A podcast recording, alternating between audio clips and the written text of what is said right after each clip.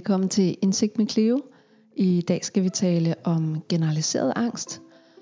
Og øh, jeg blev inspireret af det her emne, fordi jeg har haft en række klienter med øh, generaliseret angst.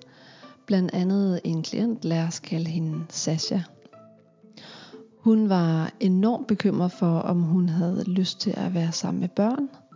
Hun havde mange bekymringer om, om hun var ved at blive sindssyg, om hun fejlede noget, om hun havde øh, kraft. Og hun brugte store dele af dagen, faktisk flere dage træk på, at, øh, at have tankebylder omkring det her. Og nogle gange så følte hun, at der var flere tanker på samme tid. Hun følte, at tankerne poppede op. Og det blev så slemt til sidst, at hendes krop reagerede allerede inden hun fik tanken. Det vil sige, at hun fik hjertebanken, og så kunne hun nærmest øh, forudsige på sig selv, at nu får jeg bekymringer. Og det gjorde, hun var bange for bekymringerne, og fik nærmest en, hvad skal man sige, en profeti omkring, at øh, hvis mit hjerte banker, så betyder det, at jeg er på vej til at bekymre mig, at øh, jeg er på vej til at blive skør, at jeg er på vej til at blive sindssyg, og øh, hvis jeg har bekymringer, så er der måske en større mulighed for, at jeg får kraft eller bliver pædofil. Og det nåede så langt, at det, det påvirkede hendes evne til at kunne være på et arbejde. Hun blev nødt til at sygemelde sig, fordi hun ikke kunne være til stede. Og, øh, og hun endte øh, hos mig i et terapiforløb, som heldigvis gik godt, øh, men også med hjælp af noget, noget medicin til at tage toppen af tankerne. I dag skal jeg snakke med en, der hedder Sifika Apachiden. Hun er min rigtig søde kollega her ved psykologerne.dk, og hun har arbejdet rigtig meget med generaliseret angst. Både i grupper i psykiatrien, men også med private klienter. Og det glæder jeg mig helt vildt meget til. Men først vil jeg lige slå et øh, slag for vores øh, community derude. Jeg opfordrer nemlig til, at I meget gerne må sende en mail til mig. Det kan være et forslag til et emne, som vi gerne må tage op. Det kan også være et spørgsmål. Og så tager jeg dit dilemma eller spørgsmål op med psykologen og øh, vender det på psykologisk manier. Så øh, det kan være en mulighed for dig for at få nogle flere refleksioner på det, du står i lige nu. Og så vil jeg som altid opfordre dig til at gå ind og like vores Facebook-side og vores Instagram-side, fordi så kan du se billeder af de modeller og de gæster, vi har besøg af, og følge med i, øh, i det, der foregår. Også når vi taler om noget, der er visuelt, som man ikke helt kan forestille sig bare med lyd alene. Men nu vil jeg gerne byde velkommen til dig, Sifika. Tak fordi du kunne komme i dag. Selv tak, Cleo. Du har jo skrevet blog om generaliseret angst, og du har arbejdet med det i mange år. Øhm, men jeg ved også, at du har en personlig fortælling i forhold til det her. At du faktisk selv har oplevet, hvordan det er, hvilket gør dig endnu mere parat til at tale om det og behandle klienter. Men har du lyst til at lægge ud med at fortælle om din erfaring med generaliseret angst? Mm. Ja, det vil jeg gerne.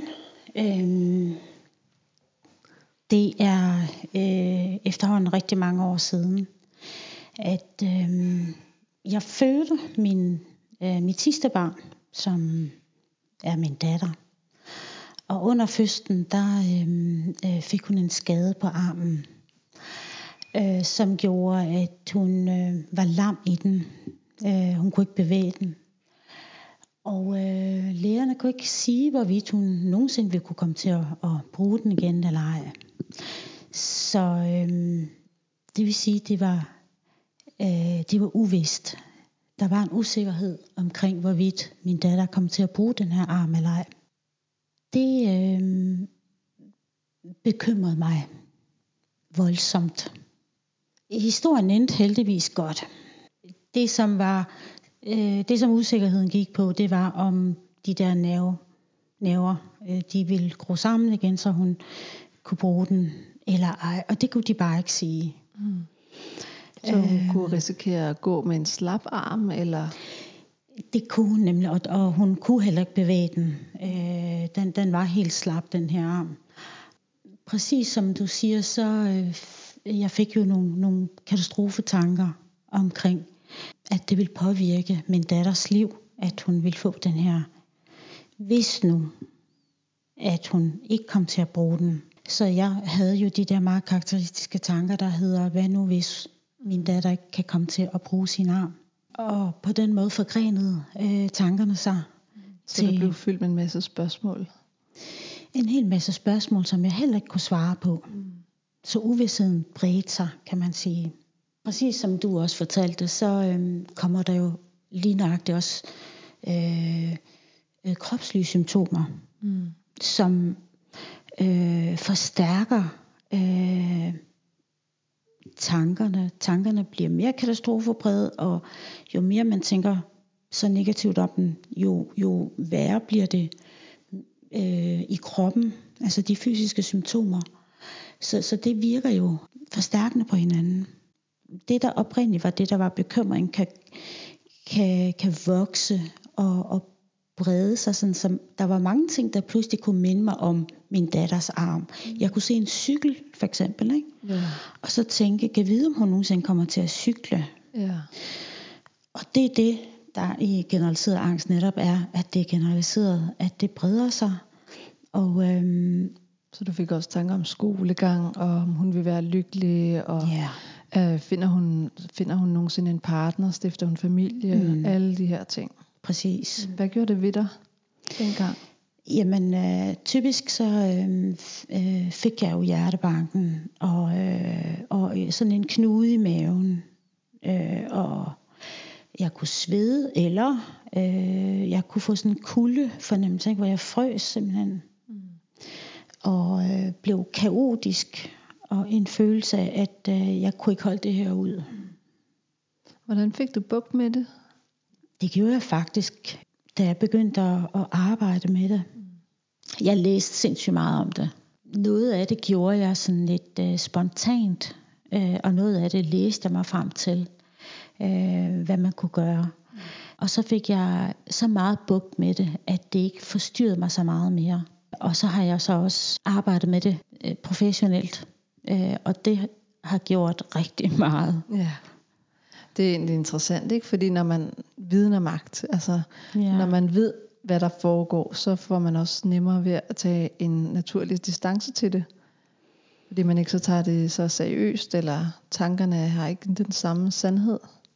Det har virket rigtig godt for mig, at netop som du siger, at få en viden. For mig har det virket afgiftende. Både afgiftende som, som resultat, men, men det der med at få det afmystificeret. Ja. Altså jeg kunne godt have tænkt mig, at der var nogen, der havde sagt til mig, at det er ufarligt. Mm. Det er mm. død ubehageligt, men det er ganske ufarligt. Ja. Hvad er generaliseret angst? Hvis det er okay, vi går videre til det. Mm. Mm.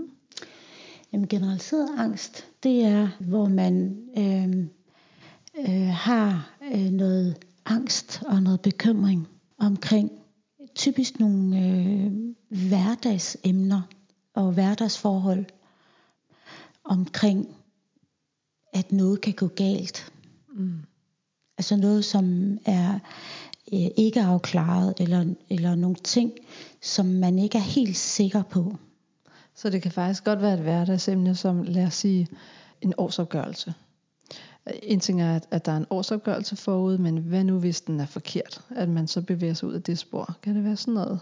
Det kan det sagtens. Mm. Det kan sagtens være øh, sådan noget som det, du nævner der. Fordi at folk, der bekymrer sig, og som har det her generaliseret angst, er typisk nogen, der har det, man kalder en, øh, en, øh, en negativ problemorientering. Mm. Hvad er en negativ problemorientering? Ja, altså øh, man kan godt kalde det ligesom at have en seksuel orientering. Ikke? Så kan mm. man også godt have en negativ problemorientering eller en positiv problemorientering. Og så kan du næsten selv regne ud, at hvis man har en negativ problemorientering, ikke? så har man en negativ forudindtagethed i forhold til, hvor kyndig eller hvor god jeg er til at håndtere mm. en eller anden situation, som jeg ikke har været ude i endnu. Så et er, at man, man ser et øh, hypotetisk problem i fremtiden, og et andet er, at man ikke har tillid til, at man selv kan løse det. Ja, altså der er faktisk lige den finte ved det også, øh, eller detalje, at samtidig med, at man ikke har stor tiltro til, til egen øh, håndteringsevne, så overdriver man også farerne. Mm. Altså den risiko, man ikke bryder sig om, skal indtræffe, den overdriver man også Man omfanget af. Og øh, sandsynligheden for, at det, det indtræffer, det overdriver man. Og i kombination med det, underdriver man så også ens egen håndteringsevne af det. Så det er sandsynligt for en, at det vil gå galt, og man har ikke tillid til, at man kan løse det, hvis det går galt. Mm. Det er den kombi, Ja, der, der skaber den her den, den negative problemorientering. ja. Hvis vi kigger på det rent diagnosemæssigt, hvad er der så for diagnostiske kriterier, der øh, beskriver generaliseret angst i forhold til for eksempel andre former for angst? Det interessante ved generaliseret angst, hvis man kan sige det på den måde, det er, at det er en mere sådan vedvarende tilstand. Og man siger sådan rent diagnostisk, hvis man sådan skal sige, det her det er generaliseret angst, så skal det være flere dage med bekymring og kropslig ubehag end uden. Det vil sige, at man skal have flere dage end uden. Simpelthen, hvis man tæller sammen, så skal Ja. det være fire dage mod tre. Ja. Mm. Og så skal det også have en fylde. Altså man skal bruge, øh, der er mange, der, der, der fortæller, at øh, jamen, hver gang jeg ikke lige er optaget af noget, eller skal tænke på noget bestemt, så kommer tankerne til mig. Så, så tankerne, bekymringerne er påtrængende. Ja, så man kan ikke bare man kan ikke bare få lov til at stene og dagdrømme om noget neutralt. De banker på, hvis der skulle have været tomt. Ja, og, og det er også det, der er så generende, ikke? Og, og giver den her lidelsesgrad, fordi det er ikke noget, folk synes, de, de kan kontrollere. Mm. Det føles som ukontrollabelt. Ja, næsten tvangspræget på en eller Ja. anden måde. Ja. Og, og når man snakker om, om angst og angstanfald generelt, så, kan jeg Mhm. også, så er det jo også noget med, at et angstanfald varer et par minutter. Hvor jeg hører, når du taler om det, så er det, så er det nærmest sådan en, en meget jævn tilstand, der kan vare i flere dage. Ja, jamen det er jo så det, der karakteriserer generaliseret angst, ikke? At, at bekymringen øh, har ikke sådan nogle, nogle øh, anfaldsepisoder, som vi ser det var andre angstlidelser, men en, en vedvarende, sådan lidt murende knude i maven, Ja. eller i brystet, og, og sådan som om, at man hele tiden lige har glemt et eller andet ubehageligt, ikke? og lige så snart man kommer i tanke om det, så aktiveres det her kropslige ubehag samtidig med, med de her negative og pessimistiske og foruroligende tanker. ja. Mm. Så en måde at beskrive det på, det er sådan en konstant bekymringstendens. Ja. Ja. Som selvfølgelig kan afbrydes, og det gør den jo også, Mm. øh, når, når folk laver et eller andet.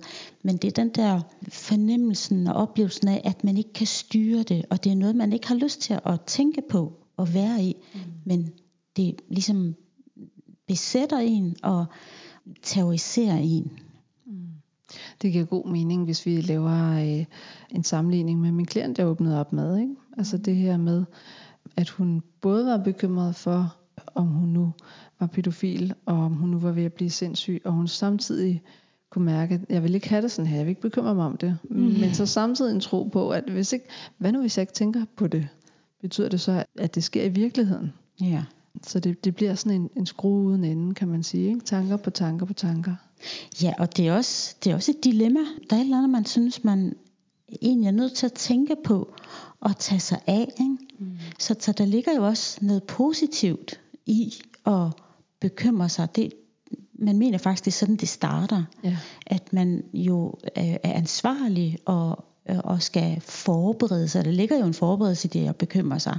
ja, der er en samvittighedsfuldhed også. Ja, nemlig. Men hvis man så har den her øh, Øh, intolerance over for usikkerhed eller negativ problemorientering, det er jo det, du kaldte øh, en profeti om, at det her, det kommer ikke til at gå godt. Så udvikler man jo øh, over tid de her kropslige symptomer, som optræder ved alle angstlidelser. Ikke?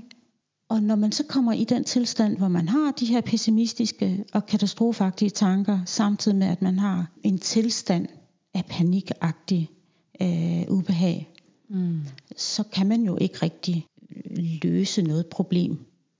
Nej, fordi så går det over i alarmberedskabet, amygdala. Man mærker de kropslige symptomer. Ergo må tanken være sand. Ergo må der være noget at være bange for. Og så bliver vi endnu mere koblet til tanken. Ja, så det har jo en forstærkende effekt, mm. og det er det, der vedligeholder generaliseret angst. at man øh, kommer i den tilstand, så man tænker, det er ubehageligt at tænke på. Samtidig med, at vi tænker, at øh, jeg må ikke være i den her tilstand, det må være farligt for mig. Ja, fordi vi kan jo mærke, at der er noget galt med kroppen. Ja. Hvordan adskiller generaliseret angst sig fra depression? Jeg synes, øh, i klinikken kan det være rigtig, rigtig svært at adskille det øh, helt fra hinanden, fordi der er noget arketypisk over bekymring, fordi det findes både i, i depressiv tilstand og i de øvrige angstlidelser, vi kender. Den der ængstelse for, at et eller andet, vi ikke ønsker, skal indtræffe. Det er jo ikke rart. Ligesom vi kan øh, frygte, at noget, vi har oplevet, kan gentage sig. Det er det her med, at man er orienteret i fortiden og tænker rigtig meget på, hvad man burde, og ting er meningsløst, mm. og det hele ser sort ud. Og så samtidig kan der komme en voksende bekymring for, hvad nu hvis det sker for mine børn, ja. eller noget andet. Så på den måde er, er bekymringen, ligesom de andre angstlidelser, noget, der er øh, øh, myndet på, på ting, man frygter i, mm. i fremtiden. Mm. Og den generaliserede del i generaliseret angst, hvis vi kigger på ordet, ikke? Ja. så er det det her med, at det er en bekymring, som tager mange nuancer og mange emner og mange temaer på samme tid. Så det er ikke en fobi, hvor man er bange for én ting. Nej, eller? det er nemlig ikke afgrænset, som det, som det er ved de mange andre øh, angstlidelser. Det er ikke angst for at gå i supermarkedet, det er ikke angst for, at man er syg. Det kan det også være. Ja. Men det er hele, det er hele ens måde at øh, tænke om problemer på, som øh, spiller ind et pus. Altså mm. det her med, at man ikke tror, at man kan klare det. Ja, ja fordi det må jo give panik. Ja. En ting er, at man ser katastrofer fra sit indre øje, og så en anden ting er, at man har en bevidsthed om, at der er intet at gøre ved det. Ja. At det kommer til at ske. Ja. Mm. Så, så det er sådan en faglægning af problemets omfang og sværhedsgrad, kombineret med, at man tænker, at jeg kan garanteret ikke klare det. Og hvis vi kigger på de her bekymringer isoleret mm. set, nu har vi kigget lidt på, hvad er generaliseret angst rent diagnostisk, og hvordan adskiller de sig fra andre diagnoser, øh, og differentiel diagnostik, så kunne jeg godt tænke mig at snakke lidt om, om bekymringerne i sig selv som en aktivitet. Hvorfor vi gør det, og, øh, og hvorfor at det bliver hæmmende, når vi snakker om generaliseret angst. Øh, vi gør det, fordi at øh, vi skal jo tage os af, hvis der er en eller anden problem i vores liv, eller en udfordring. Ikke? Mm. Så det her med at bekymre sig, starter vi jo egentlig med at gøre, fordi det har et formål. Så kan vi være på forkant med, med noget. Ikke? Så føler vi os forberedte. Ja, forberedte og og der er også nogen, det tror jeg også godt, jeg selv kender til, at hvis man bekymrer sig og, og ser en katastrofe på, for, på forhånd, så kan man ligesom tage brøden af et eller andet, der kan indtræffe senere. Ikke? Ja. Sådan at når, så kan det jo næsten kun blive næst værst. Ja, man er bange for at blive skuffet ja. eller overrasket. Præcis. Mm. Men sådan en ægte bekymring, altså sådan generaliseret angst, der kommer der øh, den her kropslige ubehagstilstand som overbygning, og som forhindrer, at man rent faktisk problemløser særligt effektivt. Ja. Så det bliver kontraproduktivt. Det bliver kontraproduktivt, fordi at der opstår et dilemma, øh, et intrapsykisk dilemma, hvor man på den ene side synes, at der er noget, man er nødt til at forholde sig til, og på den anden side synes vores hjerne jo ikke, at den skal tænke eller tage sig af det her, fordi det er jo forbundet med noget ubehageligt. Mm. Så der er ligesom øh, den del af os, der bliver grebet af bekymringen og mærker den, som om den er en sandhed, og så er der den i går så en fornuftig del af os, der siger, det skal jeg ikke tage mig af. Men så er der også en ufornuftig del, der siger, jamen åh, åh, hvis jeg først begynder at bekymre mig, så får jeg det skidt. Så det er sådan lidt selvmodsigende, den her intrapsykiske tilstand? Det er jo forståeligt nok. Ja. Det er ligesom at have en kæmpe byld, som generer dig hver gang du går, måske. Ikke? Mm.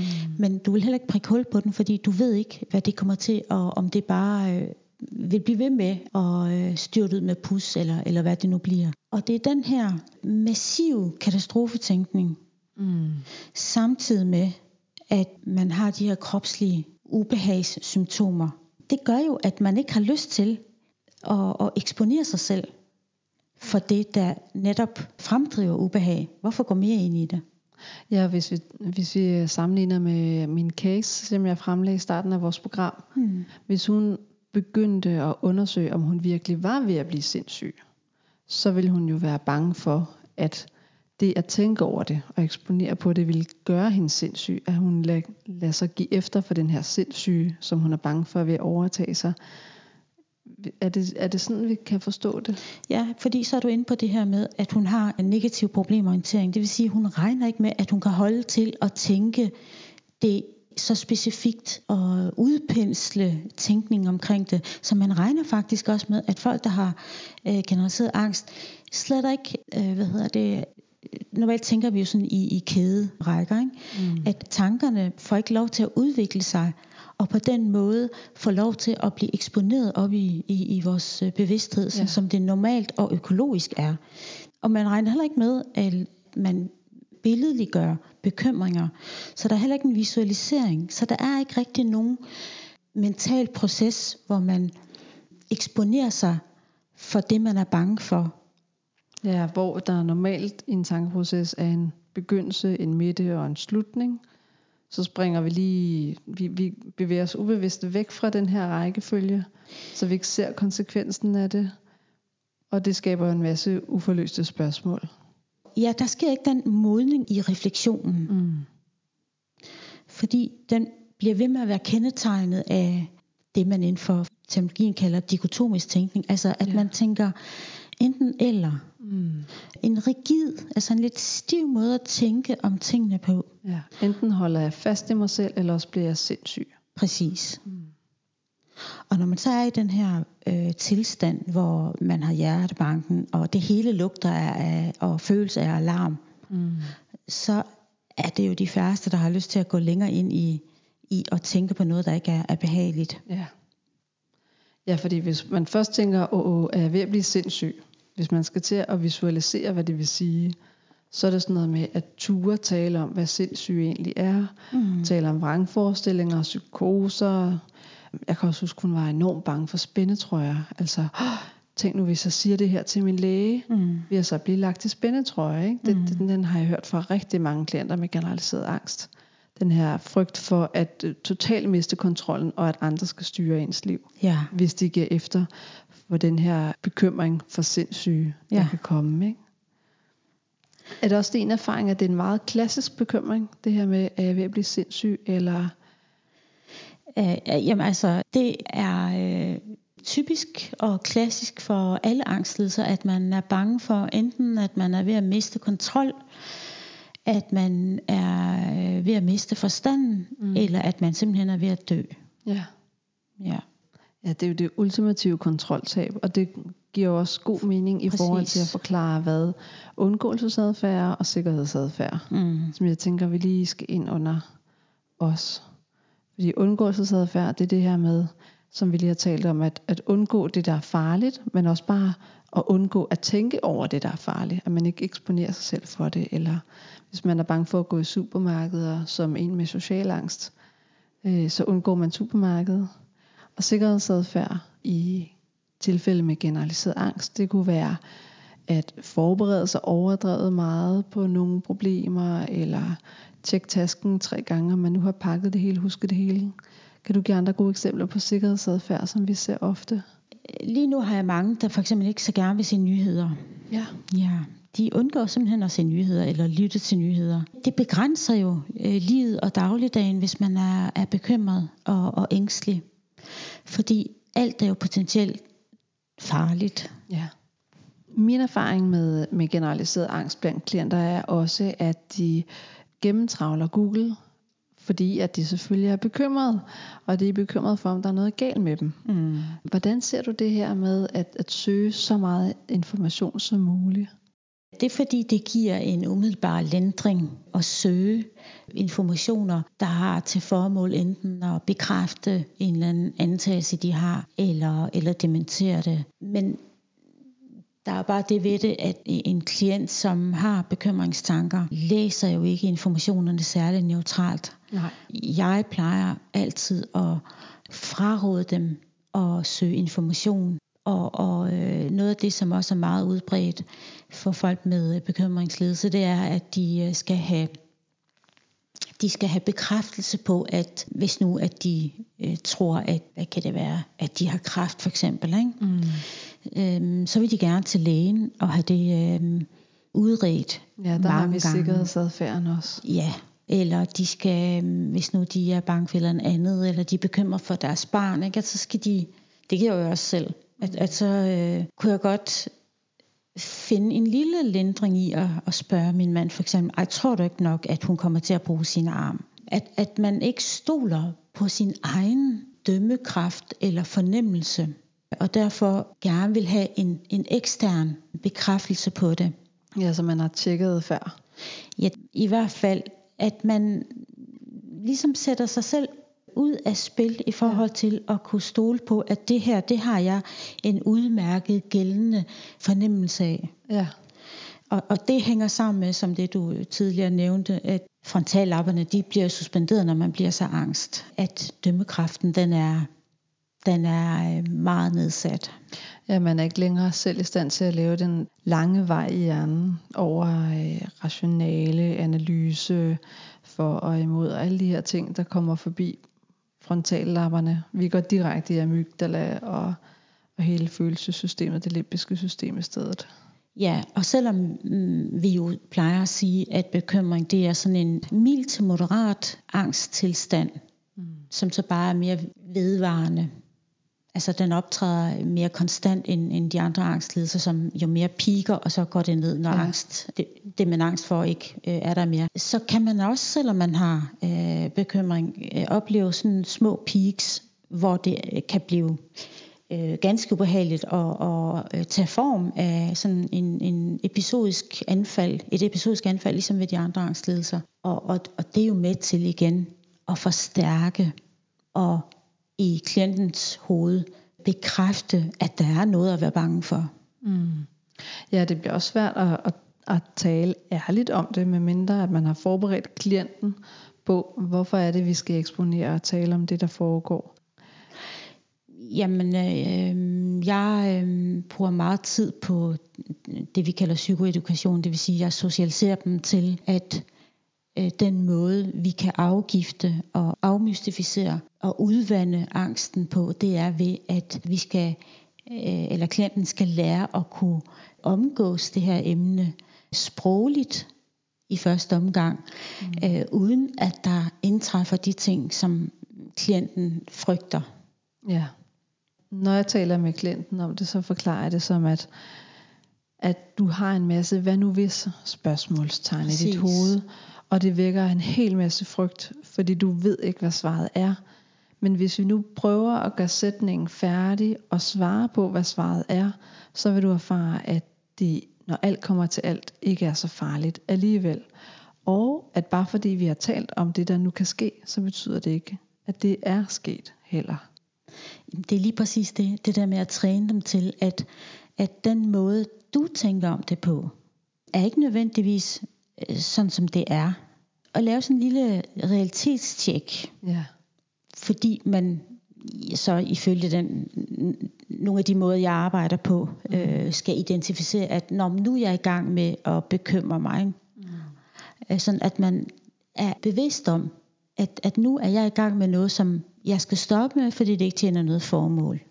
Ja, så man ser bekymring som en, en aktivitet, noget man gør, Ja, det er en- noget, man bliver grebet af. Ja, man kan godt lidt frækt kalde det, at man eksternaliserer den mentale aktivitet ved at sige, det her, det er en, en bekymring. Ja. Og jeg skal slet ikke gå ind i, hvad det er, jeg bekymrer mig om. Men bare at lige nu, der er jeg simpelthen i gang med at bekymre mig, og så tage den derfra. Jeg eksternaliserer det, det her med at sætte noget uden for sig selv. Så øh, modsat at være øh, hvad skal man sige, smeltet sammen med det og mærke det som en sandhed, så, så trækker vi det lige ud og kigger på det på lidt let øh, behagelig afstand. Ja, fordi... Internalisere, det betyder at, at tage noget ind, som var ydre før. præcis. Mm. Og det er en meget god pointe, at folk har internaliseret ja. de her tanker, ikke? som værende sandheden. Bare fordi jeg har tænkt dem, så er det vidderligt. Ja, for jeg kan jo mærke det i min krop. Det er jo det. Ergo må det være sandt. Mm. Så hvis vi for eksempel har en klient med øh, meget bekymring om mulig sygdom, hvordan vil du så gribe det an? Så gør jeg øh, meget ud af, at vi taler om det. Og, og jeg går ud i alle de afkroge, som øh, klienten har øh, mere eller mindre bevidst og, og sprogligt gjort, for ligesom at klienten sammen med mig kan modnes i at øh, et mere realistisk syn på, hvor sandsynligt er et eller andet, og, og hvor galt vil det egentlig gå, hvis det klienten frygter øh, rent faktisk skete. Mm. Fordi som udgangspunkt tænker klienter jo, eller det gør vi jo, at hvis det ikke sker, så kan jeg ikke holde til det. Ja. Jeg klarer det simpelthen ikke, hvis bla bla bla. Og hvad er det værste, der kan ske, hvis du ikke kan holde til det? Er det den vej, du vil gå? Eller? Ja, ja. og der kan jeg så godt være med til at dissekere, ja. øh, hvad er det øh, for nogle elementer, der er i den her angstforestilling. Hmm. Hvordan fordi, ser der ud, eller hvad vil der så ske? Ja, fordi klienten spreder jo ikke tanken ud i nogle afkroge, fordi de bliver lammet i, i det, vi kaldte den mentale aktivitet før, fordi der kommer kropslige komponenter ind og stopper den der processering. Ja, så det bringer dem i choktilstand, kan man ja, kalde det. de ja. stopper der, og det er derfor, at man mener, at der ikke sker den her følelsesmæssige modning, mm. fordi man simpelthen ikke tænker tingene igennem. Mm. For det tør man jo ikke. Nej. Fordi så må det bare føles endnu mere ubehageligt at blive virkeligt, og alle de her ekstra bekymringstanker og katastrofetanker, man kan have. Ja. Der er jo det her element af, at vi kunne ikke vide, hvornår vi dør. Nej. Det er jo en, en klassisk frygt, man har, når man har generaliseret angst, at man, man dør det ene eller det andet eller det tredje, eller mister kontrollen. Ikke? Mm. Så ud fra et ACT-synspunkt og mindfulness-synspunkt, der handler det også om en accept både af bekymringerne, at de kommer og besøger en, men også en accept af det ukendte. En accept af, at vi kan ikke forudsige fremtiden. Gud skal lov for det. Mm.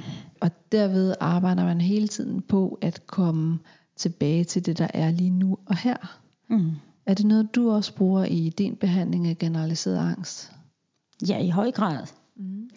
Altså øh, at acceptere, at livet har både ubehag og sygdom og lidelse og uro og ja, usikkerheder. Ikke? Ja. Og at og det der med at være i trivsel og være lykkelig, det er også lidt et valg. Ja. At man vælger at sige, jeg ved godt, jeg skal dø, men jeg vil ikke sidde og vente på, at jeg skal dø. Mm. Og det kan godt komme til at lyde lidt nemt, når det er et valg. Men, men det er jo, altså på den måde, så forstår jeg det også som en handling. En committed handling. Noget, der er rigtig svært at gøre også. Og det kræver en kræftanstrengelse at træffe det valg. Altså det er en, det er en bevidst handling også. Jeg er godt klar over, at det kunne lyde øh, lidt forsimplet, når man siger, at det er et valg. Men det, i al angst er der jo en lille fli af sandsynlighed. Ja. Ikke? Altså, der er jo et lille græn af mulighed i det. Ikke? Selvfølgelig, der er jo altid en promille chance for at Ja, altså fordi det er, jo ikke, det er jo ikke, det er jo ikke psykotisk materiale. Vi, jeg, jeg kan jo få kræft, ja. ikke? og det kan klienten også, og klienten kan jo gå konkurs, og klientens øh, mand kan jo forlade vedkommende. Mm. Ikke? Så, så der er jo en fli af risiko ved, ved, ved de områder, folk er bange for. Men vi er jo nødt til at forholde os til den slags ting i livet, som vi ikke bryder os om. Ikke før de indtræffer. Ja. For ellers så skal vi forholde os til alt det i verden af ulykker og katastrofer. Og så kan vi jo ikke leve. Ja. Det er faktisk her, hvor jeg gør rigtig meget brug af at lære klienten at skelne mellem problem og bekymring. Fordi bekymring, når vi tager den her model frem, så er bekymringen en hypotetisk ting, der kan ske, som ikke er sket endnu, og som muligvis noget, vi ikke har magt over, fordi at de er ude i fremtiden. hvor problem det er noget, der er nu og her, som skal løses og har konsekvenser, hvis det ikke bliver løst. Men det gode er jo også, at vi ikke behøver at tænke så meget over det, fordi vi ved, hvad der skal gøres, når det er foran os. Hvis vi kan kende forskellen på problem og bekymring, så er det også nemmere at identificere, hvad det er, der foregår. Jamen, det er også rigtig vigtigt faktisk, at man øh, skriver ned. Lige præcis, det var faktisk det, jeg skulle hen til. Øh, og det er en af, af mine hjemmeopgaver, ikke? at jeg øh, ansporer dem til, at de tager 20 minutter øh, om dagen, og det skal være på et bestemt tidspunkt, og, og det skal ikke være fleksibelt. Øh, det skal være, lad os sige, det er et eksempel, klokken 20 minutter over øh, 8, der har de 20 minutter, hvor de må bekymre sig, og der, må, der skal de virkelig give den gas. Så skal de skrive alt det ned, som bekymrer øh, dem. Jeg bruger nemlig også den her øh, bekymringstidsøvelse, mm-hmm. og jeg taler med klienten om, at, at de bekymringer, der har besøgt en i løbet af dagen, at det er dem, man skriver ned, fordi så lærer klienten at udsætte til senere på dagen. Det vil sige, der skabes en fleksibilitet. Men det er også det her med at, at være meget tydelig øh, til klienten omkring, at du skal ikke huske det til om aftenen.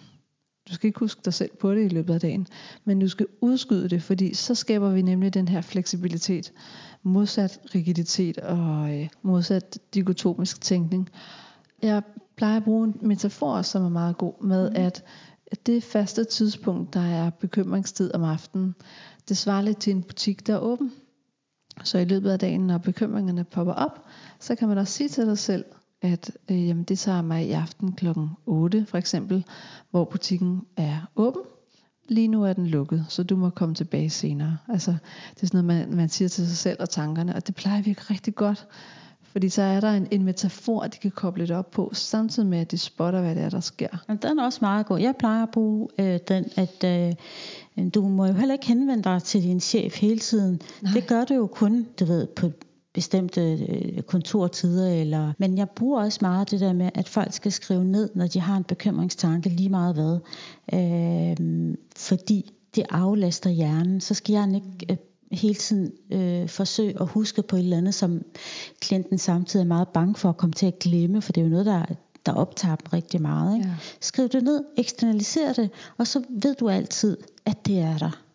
Så det, det, jeg tænker, det kommer lidt an på, hvilken person man er. Ikke? Fordi mm. at, øh, vi kan jo både øh, anbefale at skrive, skrive alle bekymringerne ned på et mm. fast tidspunkt om aftenen og udsætte, og vi kan også anbefale at skrive det ned med det samme, som, som var det huskesedler, for at, at komme af med det. Jeg bruger det, altså det der element af udsættelse bruger jeg jo rigtig meget. De må ikke dykke ned i det. de skal bare lige skrive ned, øh, fordi hvis ikke de skriver det ned, når de får det, så har de det med og forsøg at huske på det. Nemlig. Og derfor vil jeg gerne have, at de tømmer hjernen, sådan så der er en ekstern harddisk ved, øh, at de skriver det ned, kan man sige. Ikke? Men de må, ikke, de må ikke arbejde, de må ikke bearbejde noget af det, de bekymrer sig om, før de har deres, deres bekymringsteam der, ja. ja. Og man giver den fuld skrald. Mm. Så vi har en teknik med, at vi får en bekymring eller en trigger-tanke, som sætter kroppen i gang. Og vi er nu nået til det her med at bemærke bekymringen og skrive den ned. Mm. Og lave bekymringstid. Vi har talt om eksponering, og vi har talt om bekymringstid og identificering af tankerne. Nu ved jeg jo, at du, Sefika, arbejder med kognitiv adfærdsterapi og metakognitiv terapi i forhold til generaliseret angst. Så jeg kunne godt tænke mig at vide, hvordan man arbejder med eksponering og generaliseret angst. Nu er det jo ikke sådan, at, at vi arbejder med en fobi for en, en æderkop, og så skal vi nærme os æderkoppen. Så hvordan arbejder man med at eksponere for bekymringer og tanker? Øh, jamen, øh, jeg arbejder øh, symptomatisk. Øh, det vil sige, at vi tager de enkelte symptomer på generaliseret angst. Det vil sige, at vi kigger på de øh, tankemæssige processer, der er. Og det var det, du før sagde med identificering af, af en bekymring. Ikke? At, ja. at vi og det er der, hvor metakognitiv terapi kommer ind, ikke? at de bliver socialiseret til metoden. Ikke? Og så lærer jeg dem, at, øh, at når, når de øh, har den slags tanker, så, så, så er de i gang med at bekymre sig. Ja, så spotter vi, hvad der foregår. Ja, øh, sådan at de bliver fuldt ud klar over første tegn på, at nu er de i gang med at bekymre sig. Mm. Øh, og det var det, vi tidligere kaldte, at, at så bliver det ligesom eksternaliseret. Ja, vi bemærker, hvad der sker, og vi ja. putter det uden for os selv. Ja. Præcis. Vi ved, og det giver jo også en lindring øh, og en afmystificering at vide, hvad det er, der sker med mig. Øh, versus det, at de fleste klienter oplever, at de bliver oversvømmet af ubehag, bestående af en masse øh, negative tanker og en masse hvad hedder det, kropslige symptomer, som jo er meningen kun skal optræde, når vi er virkelig i panik. Ikke? Hvis man sidder og øh, har en bekendt, der har generaliseret angst, eller man selv er bekymret for, om, om den tilstand, man går rundt i, er generaliseret angst. Hvad kunne du godt tænke dig, at lytteren sidder tilbage med af ny viden, når vi runder af for den, dagens samtale? Jamen, at det er øh, øh, almindeligt og normalt øh, og ganske udbredt øh, at, at bekymre sig. Men man skal ikke bekymre sig på en måde, hvor at det man bekymrer sig om, øh, også begynder at i gang sætte noget kropsligt ubehag. Mm. Så det bliver sådan en, en komplet ubehagelig tilstand, øh, som man samtidig ikke føler, at man kan kontrollere. At man ikke kan lægge det væk fra sig. Mm. Og hvad skal man gøre, hvis man er bange for, at man har generaliseret angst? Hvad er det første skridt mod hjælp? Altså hvis, hvis det er noget, der har stået på i for eksempel sådan i, i mange måneder, man plejer faktisk sådan at sige, hvis det har øh, vedvaret i over 6 måneder, ikke? Og, øh, og man har haft flere dage med bekymringen uden, øh, og der er de her ubehagssymptomer, og det begynder at begrænse ens liv. Altså sådan, at, at man begynder at tænke over, at nej, det der har jeg ikke lyst til, fordi der kunne ske det og det, eller det kan jeg ikke lide. Så kan man jo prøve at, at tage en, øh, en, en snak med sin egen læge, mm. som hurtigt kan screene for, om, om det her er noget, der er behandlingskrævende. Ja, det er præcis. Og så man får den rette hjælp fra starten. Ja. Mm. Godt. Vi skal videre til dagens øvelse.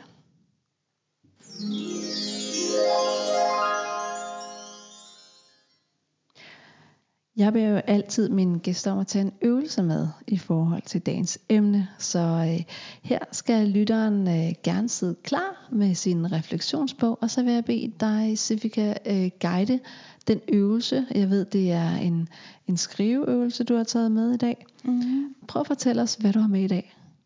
Når man bekymrer sig og er ængstelig, så øh, ser man sig jo tit sådan fast. Man, man sidder fast i en eller anden bestemt tænkning, som jo aldrig er positiv eller, eller optimistisk. Ja. Eller særlig realistisk for den sags skyld. Så for at træne og tænke mere nuanceret, og træne sin, sin øh, fornemmelsesevne, så kan man faktisk godt bruge sådan en lille mekanisk øvelse. Ja. Øh, som øh, går ud på, at man har tre typer tænkninger. Og den kan, den kan kaldes teori A, B, C. Og det er, at man siger, hvad er det værste, der kan ske? Og så skriver man ned. Det er det, man er vant til. Ja, den er ikke svær. Og så skriver man sin værste tanke ned. Altså, hvad er det værste, der kan ske ved, at et eller andet, det man nu er, er frygter, ikke? Og så nedenunder, der skriver man, hvad er det bedste, der kan ske? Og der må man gerne være helt, øh, altså bare give den gas. Ja, overdrive. Ja, ja. så meget fantasi. Jamen, jeg plejer faktisk nogle gange at sige, hvis, hvis jeg havde en tryllestav, hvad kunne du så godt tænke dig mm. i forhold til det problem? Ikke? Og så skriver du den ned, og til sidst, så spørger man sig selv, hvad er det mest realistiske, der kan ske? Mm. Og som regel, så kan folk godt finde på, især efter øh, nogle øvelser selvfølgelig, ikke? og det træner jeg jo øh, selvfølgelig med mine klienter, at man ligesom tager en modereret udgave af det, man øh, frygter, og det man ønsker. Mm.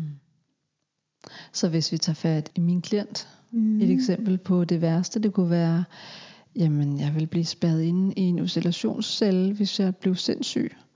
Det er det værste. Det bedste, det kunne være, at hun, når hun knipsede med fingrene, blev så rolig og glad, at hun smilede og grinede helt vildt af sig selv og vandt i lotto på vej hjem. Altså, det er så urealistisk. Mm, det kan det sagtens. Og det mest realistiske er, at, at hun har bekymringstendens. Altså, man forholder sig til det, der er, og at hun er i gang med at få hjælp af sin terapeut til at håndtere det. Og at det er hårdt at bekymre sig, Ja, men at det ikke er farligt. præcis. At man ikke kan gøre sig selv sindssyg ved tankens kraft, for eksempel. Det er lige det. Ja. Sivika, når du øh, har en dårlig dag, ligesom alle os andre kan have det, og du skal lave en nærende aktivitet til dig selv. Vi har jo taget de andre gæsters nærende aktiviteter med ind. Hvad gør du for at pleje dig selv og øh, nære dit sind? Så kan jeg godt lide at lave en kop kaffe og sætte mig i min yndlingsstol eller yndlingshjørne i sofaen og nyde den her kop kaffe og tvinge mig selv til ikke at forholde mig til andet end det, at jeg drikker kaffe de næste 20 minutter. Og at verden omkring mig øh, for den sags skyld kan gå under øh, i den tid, det, det skal jeg ikke tage mig af. Mm. Det eneste, jeg skal tage mig af, det er, at de næste 20 minutter, de er mine. Altså den her måde, hvor man øh, tvinger sig selv til ikke at forholde sig til andet, end End det, det, du er. fokuserer Ja. på lige nu og her. Ikke? Så jeg hører, at du har at du har en teknik, hvor du øh, på den ene side søger ned i din trygge hyggekrog, som er rar, mm, altså dit, dit sikre place. sted, ja. Mm. Og på den anden side, at du faktisk går ned og arbejder med mindfulness og meditation omkring sansning i det, der er nu og her. Ikke? Altså kaffen har en duft og en smag og så videre. Og uanset om der vil falde nogle bomber for ørerne af der udenfor, mm, så er du i gang med at beskæftige mig dig med kaffen. Præcis. Ja. Mm. Fedt. ja. Vi skal til at runde af nu her. Mm-hmm. Mega, mega stort tak, fordi du kom. Selv tak. Man kan jo læse meget mere om dig inde på psykologerne.dk, og der ved jeg, at du har skrevet et mega godt blogindlæg om generaliseret angst. Så hvis du vil vide mere om, hvad det er, og hvad man kan gøre, hvordan man arbejder med det, så gå ind på psykologerne.dk og læs det der. Og som sagt, alle er meget velkomne til at sende mig en e-mail, hvis man har et øh, forslag til et emne, vi kan tage op her i podcasten. Men det kan også være et e-mail med et spørgsmål, som du ønsker, at psykologerne vil tage op. Der er en Facebook-gruppe og en Instagram-profil, der hedder Indsigt med Clio, hvor vi også lægger billeder op fra dagens udsendelser. Og hvis du sidder tilbage og er mega glad for de her afsnit, det håber jeg, at du er, så vil det være en kæmpe hjælp, hvis du gider donere 5 stjerner til programmet, fordi det er faktisk sådan, vi bliver set inde på iTunes og på podcasten. Så det er den bedste hjælp, du kan give os. Tusind, tusind tak, fordi du lyttede med, og have en fantastisk dag.